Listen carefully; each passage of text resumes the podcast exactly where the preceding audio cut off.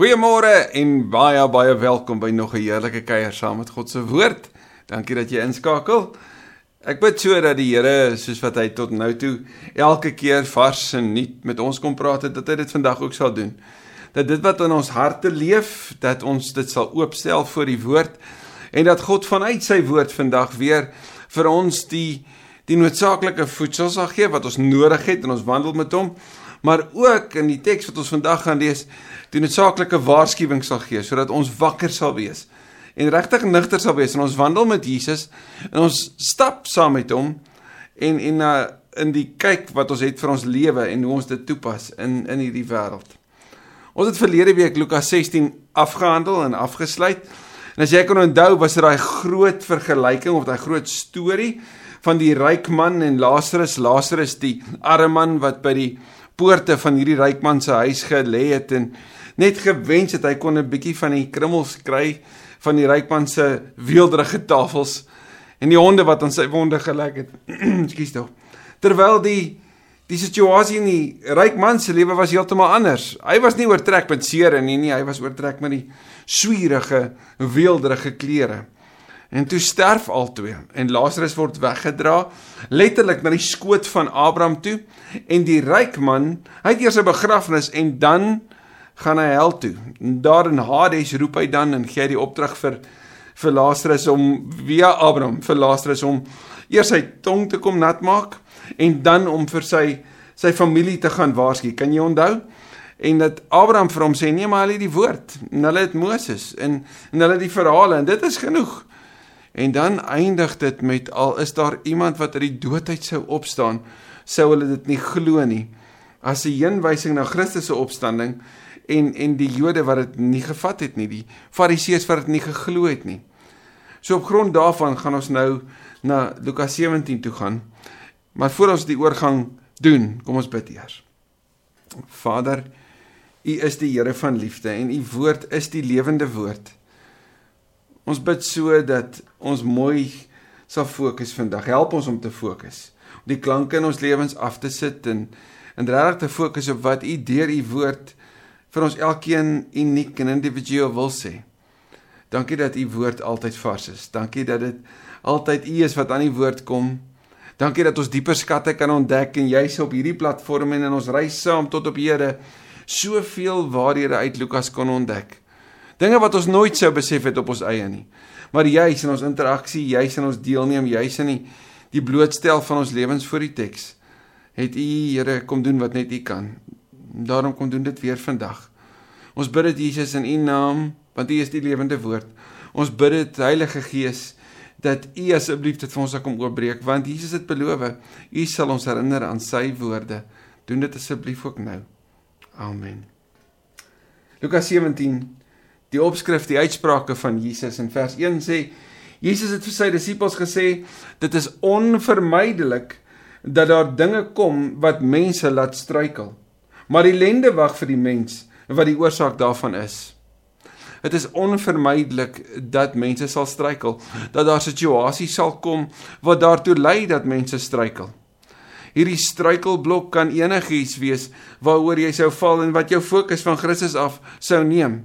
Jy sal meer daaroor gaan lees in Jakobus 1 wanneer hy praat oor versoekings en wanneer hy daaroor struikel. Hy praat van versoekings wat op sigself nie sonde is nie, maar wanneer jy ingee daartoe, dan dan bly dit tot die sonde en wanneer sonde vrug bring is die die voor voor die uiteinde daarvan is dat dit die dood voortbring. Dis die resultaat van sonde en die voortdurende aanhou daarmee.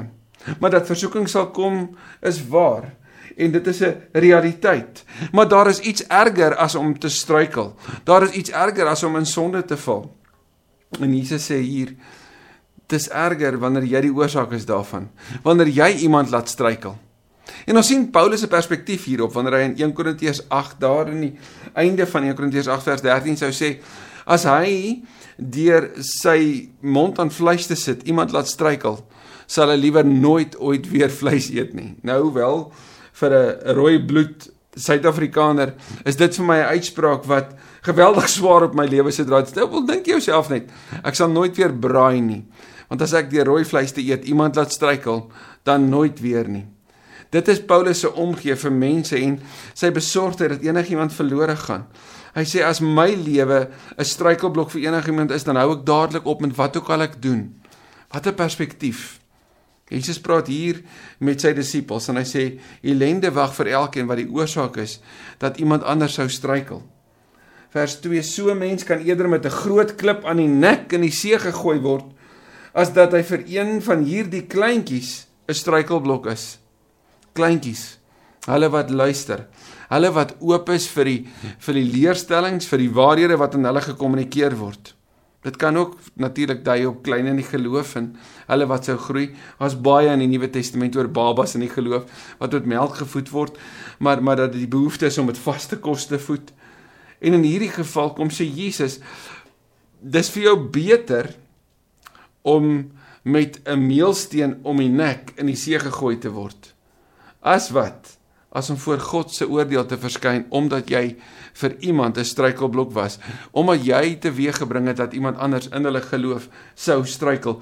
Hierdie is 'n ernstige waarskuwing vir elkeen wat die voorreg het om iemand anders te kan beïnvloed, iemand anders te kan leer, iemand anders op die weg met Christus te help, aan te help of 'n struikelblok te wees.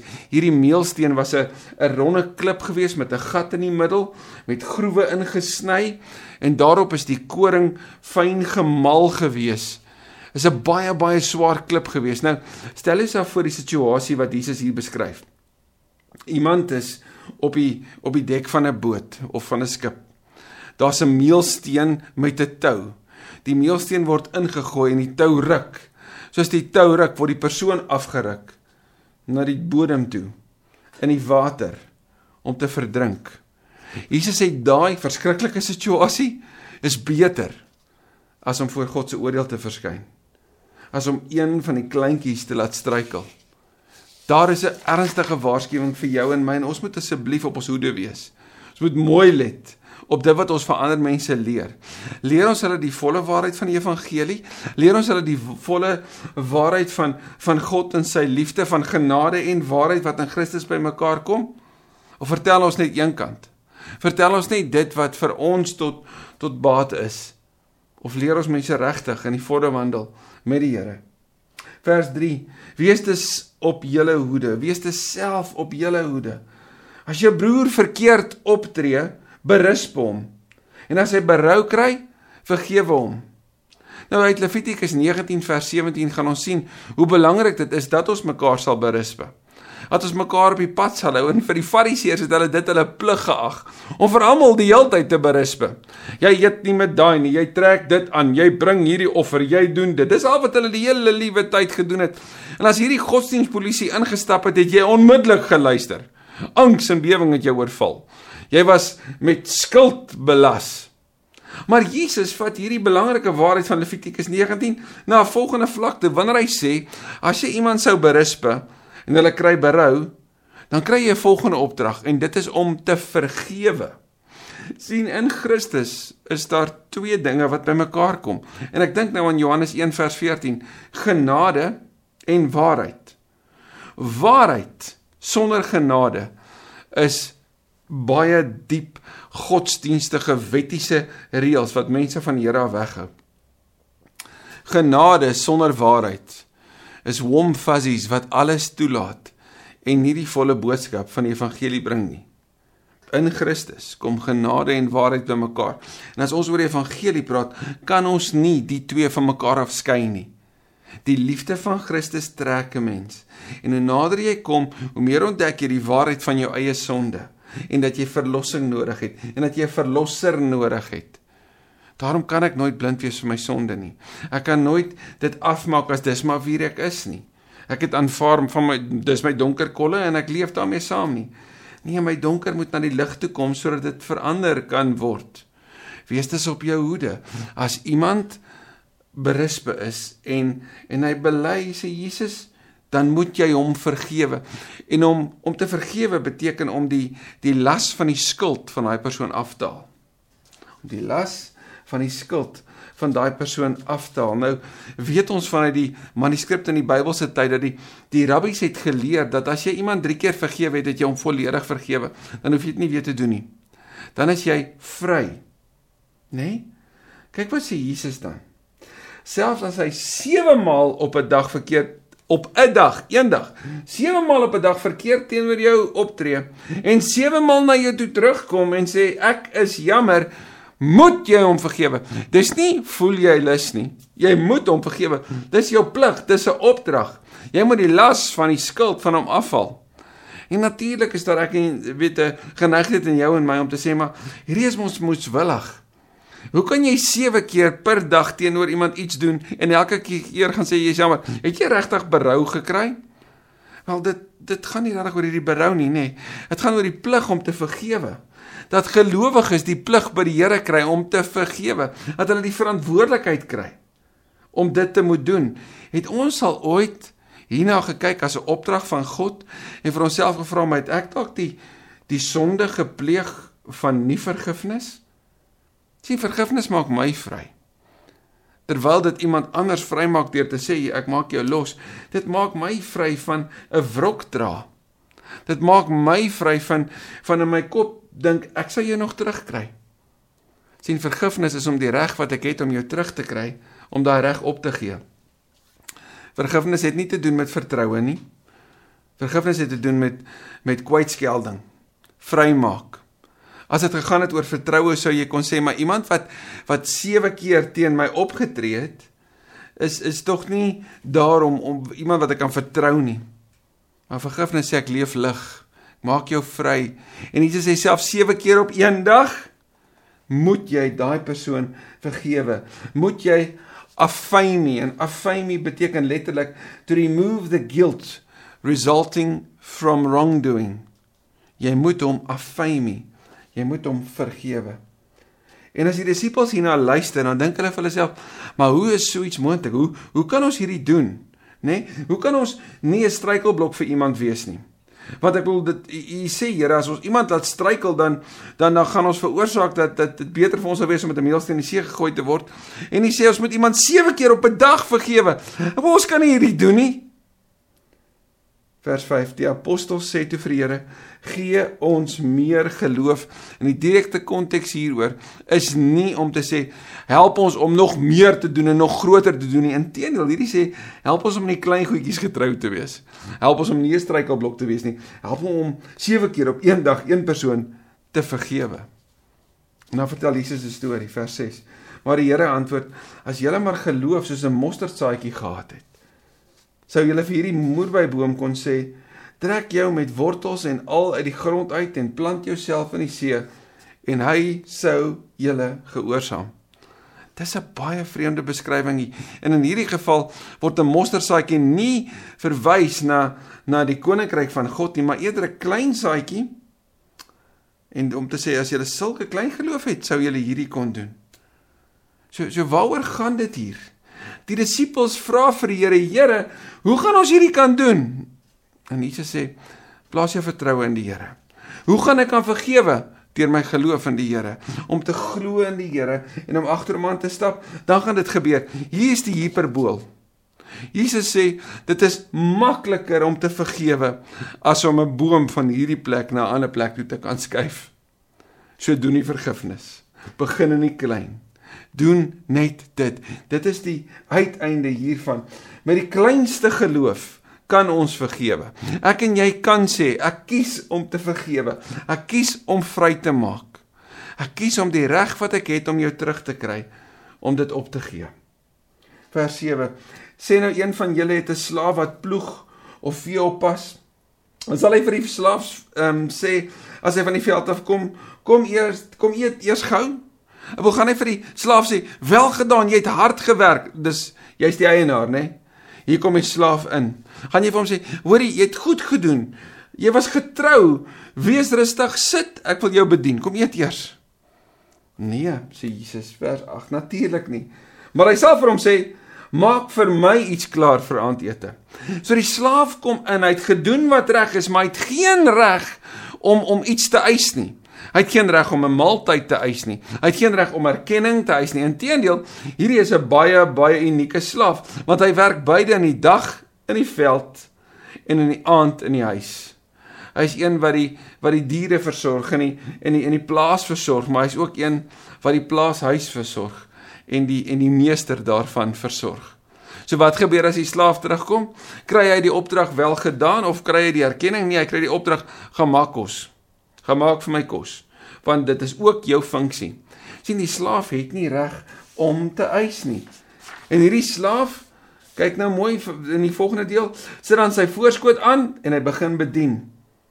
Begin bedien my terwyl ek eet en drink. En daarna, as jy klaar is, kan jy self gaan eet en drink. Vers 9: 'n Slaaf wat sy opdrag uitgevoer het, word mos nie bedank nie of hoe. Sien, hier's die gevaar wat kan gebeur wanneer ons doen wat reg is. Ons kan dink dat ons eers die reg het om te eis dat God moet sê, "Wel gedaan, hier is jou beloning." Om te vergewe mag jy dalk self jou dalk self by 'n plek bring waar jy dink, "Ek het nou die reg om te eis dat God dan vir my erkenning gee." En wat ek het daarom tot by 'n punt gekom waar hierdie of hierdie persoon vrygespreek het. So ek het gedoen, gee nou vir my. Nee. Vergifnis is wat ons doen. Dis wat ons eienaar van ons vra en daarom sal ons dit doen. Ons sal vergewe, ons moet vergewe. En dink mooi wat sê dit vir die kerk in 'n konteks soos vandag. Dink mooi net in die laaste week. Dink mooi net in die laaste 48 uur. Wat gebeur het in jou lewe? Wat gebeur het in die laaste maand in ons in ons land? Dink mooi in in in in sekere groeperinge van mense wat teenoor mekaar gestaan het skade wat gelei is op op op lande, op plase, in mense se lewens, op alle gebiede van ons land, op alle terreine, verskillende weet omgewings, situasies, scenario's, kontekste. Hoor die kerk hierdie opdrag van die Here, jy moet vergewe. En as jy dink, Here, maar maar hoe is dit moontlik? Wel, as jy die geloof soos 'n mosterdsaadjie gehad het, dan is dit vir jou moontlik. Here, maar hierdie is verskriklik rof. Ehm um, wat gaan nie vir my teruggee? Jy het niks wat jy kan eis nie. Jy moet vergewe. En onthou altyd Christus se woorde. Vergeef hulle want hulle weet nie wat hulle doen nie. Hy het eers te vergewe. Ons kry die opdrag weer en weer. Jy moet vergewe en jy gaan nie bedank word omdat jy dit doen nie. Jy doen dit omdat dit is wie jy is. Jy's 'n volgeling van Christus. En volgelinge van Christus is mense van vergifnis. Vers 10: So is dit ook met julle. As julle alles gedoen het wat julle aan julle opgedra is, sê dan: Ons is slawe wat niks verdien nie. Ons het gedoen wat ons verplig was om te doen. En weet jy wat? Paulus doen dit. Hy sê hy's 'n slaaf van Christus. Jakobus doen dit. Hy sê hy's 'n slaaf van Christus. Jesus doen dit wanneer hy die voete was en van onder af kom en dien 'n slaaf. Dit is die lewenshouding wat ons moet in hê.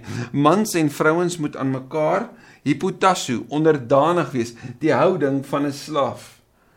Dit sou vir ons as gelowiges baie gehelp het as ons in plaas van om om pragtige pakke en en mooi dasse aan te trek, om togas aan te trek en wat ook al nog aan te trek, om eerder 'n voorskoot aan te trek elke dag en te sê dit is hoe ek die lewe wil leef as dienaar. En weet jy wanneer gaan ek en jy voel dat ons dienaars is? Wanneer ons so slawe behandel word. Dis wanneer jy weet jy dien. Wanneer jy gestroop word van van dit wat vir jou gemak en plek en posisie en erkenning gee. Wanneer daar niemand is wat dit raak sien nie. Dis wanneer jy dien. Dis wanneer jy doen wat Christus sê en om dan te sê ek het geen reg of of geen aanspraak op erkenning nie. Ek doen dit omdat ek aan Christus behoort. Geliefdes, Dis belangrik vir ons om te weet dat ons geliefdes in die oë van die Here is, dat hy so na ons kyk, dat ons die appel van sy oog is. Maar dit is ook belangrik en dit is die volle evangelie dat ons ook moet besef ons is slawe wat niks verdien nie en die disippels sou presies verstaan het wat Jesus hier hiermee bedoel. Vers 11 op reis na Jerusalem toe het Jesus al met die grens tussen Samaria en Galilea langs beweeg. En wat ons nou gaan kry is die beskrywing van die reaksie van die Jode en die Samaritane teenoor Christus se boodskap. Net toe hy 'n sekere dorpie wou binnegaan, kom 10 melaatse mans hom tegemoet, maar hulle bly op 'n afstand. Hierdie melaatse mans gaan ons nou sien was 'n vermengde groep gewees. Die melaatses het 'n bepaalde velsiekte gehad wat hulle onrein verklaar het. volgens die die die die Levitiese orde as jy nou dink aan Levitikus 13:45 moes hulle oral in die periferie van die samelewing buite die kamp waar die gelowiges bymekaar was moes hulle buite beweeg. En as hulle naby die kamp sou kom of na, enigstens naby mense sou kom moes hulle sê onrein onrein onrein gebukkend beweeg. En almal sou weet hulle moet hulle vermy. Dis amper so die pandemie vandag wat jy 'n masker sou kon dra. Maar baie meer as hierdie masker wat dalk sou kon sê onrein, onrein, onrein of positief, positief, positief. Was wat hulle gehad het 'n verskriklike aansteeklike siekte wat gemaak het dat mense op hulle neergekyk het. En hierdie manne van die veld, hierdie manne van buite, hierdie manne op die periferie kom binne afstand van Christus. Binne hoër afstand. En hulle roep hard: Jesus, Here, ontferm U oor ons. Hierdie herinner ons aan die einde van Lukas 16, die ryk man wat vanuit die hel roep: Vader Abraham, ontferm U oor my. In hierdie geval die melaatses, ontferm U oor ons. Here gee vir ons barmhartigheid, gee vir ons genade, gee vir ons ontferming. Trek ons in na u boesem toe, want ons is uitgeskuif uit die uit die samelewing. Daar's nie vir ons hoop nie en ons het genesing nodig. Toe hy hulle sien, sê hy: "Gaan wys julle vir die priesters." Dat die priesters kon bepaal of of hierdie manne rein of onrein is. Hulle het na hulle liggaam gekyk en 'n toets gedoen en as die priester jou jou vrygeskel het of gestel het het hy gesê jy is nou rein, het jou rein verklaar.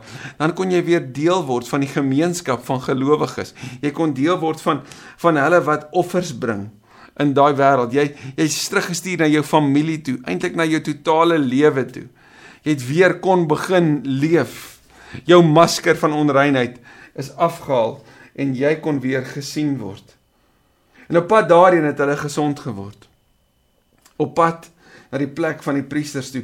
Fisies gesond, maar ook op 'n rituele wyse gesond want nou kan hulle gaan deelneem. Hulle sal rein verklaar word. Vers 15 en een van hulle het toe gesien dat hy genees is.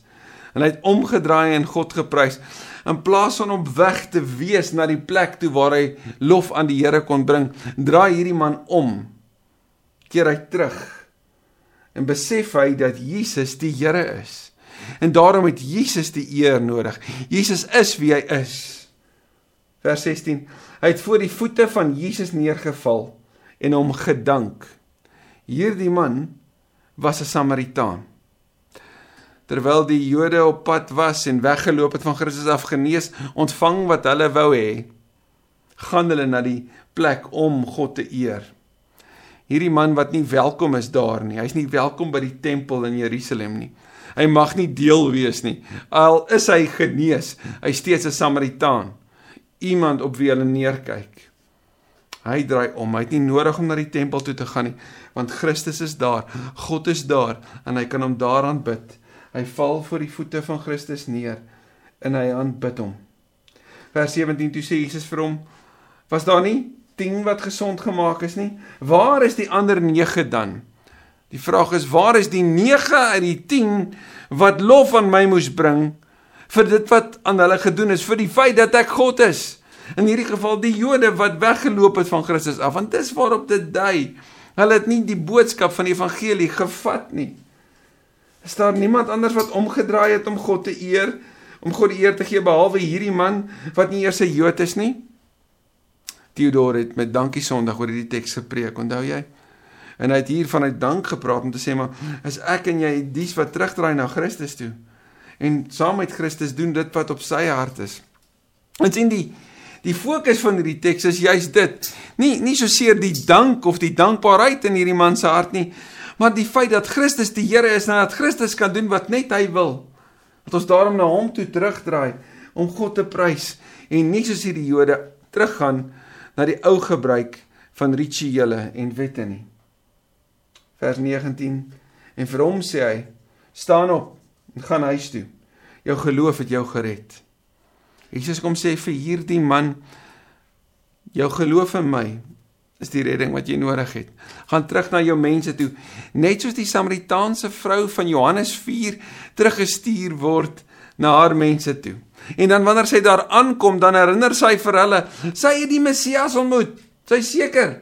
En dan nooi hulle vir Christus en dan gaan bly hy by hulle. En dan sê hulle later vir daar aan die einde van Johannes 4, ons het eers geglo omdat jy ge gesê het omdat jy van hom vertel het. Maar nou glo ons omdat ons self gesien het. Ons het self geproe, ons het self gesien, ons het self beleef. God is goed. Mag ek en jy die ernstige waarskuwings van hierdie eerste deel van Johannes 17 hoor. Mag ons hoor dat die Here sê wees versigtig, moenie 'n struikelblok wees nie. Wees baie versigtig, vergewe mense. Weet dat dit alles moontlik is want God is die gewer van genade. Hy is die een na wie toe ons moet terugdraai en sê dankie dat U my genees het. Dalk nie van 'n velsiekte nie, maar van die siekte van sonde in my lewe. U is die Here en daar's geen ander nie. En vanuit geloof draai ek vandag weer terug na U toe. Mag ek en jy in genade wandel, genade deel, maar nie sonder waarheid nie. Mag ek en jy mekaar aanmoedig en by tye berispe om te draai na God toe. Maar mag ons dit nie by koue berispe plekke hou nie. Koue berispe gesprekke hou nie. Maar onthou dat vanuit die berispe kom die berou, kom die vergifnis, kom die gemeenskap se genesing. Kom ons bid. Dankie Here ook vir hierdie kosbare teks vandag. Here, ek is seker dit dit is maar stil in ons harte wanneer ons hieroor dink. Miskien is daar 'n stuk bekommernis oor die die kere wat ons dalk ander tot 'n struikel kon bring deur ons opmerkings of ons optredes. Dis mense dalk verkeerd begelei het, verkeerde raad gegee het.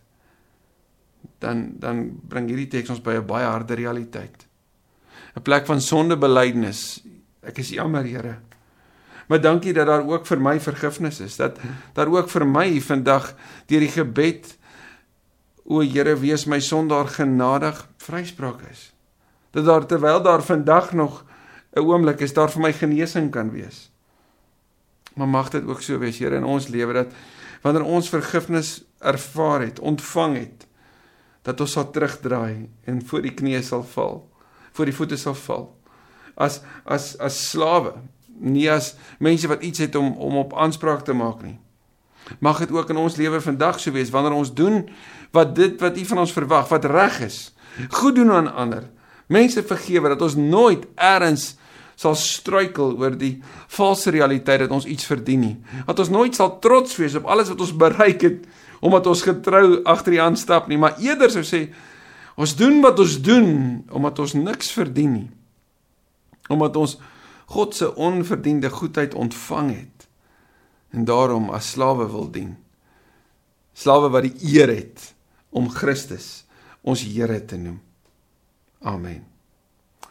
Ek hoop jy het 'n mooi dag. Ek hoop ek en jy herinner mekaar deur die wandelgange van die lewe om getrou te bly aan dit wat ons bely, naamlik Jesus is die Here. Mooi dag vir jou.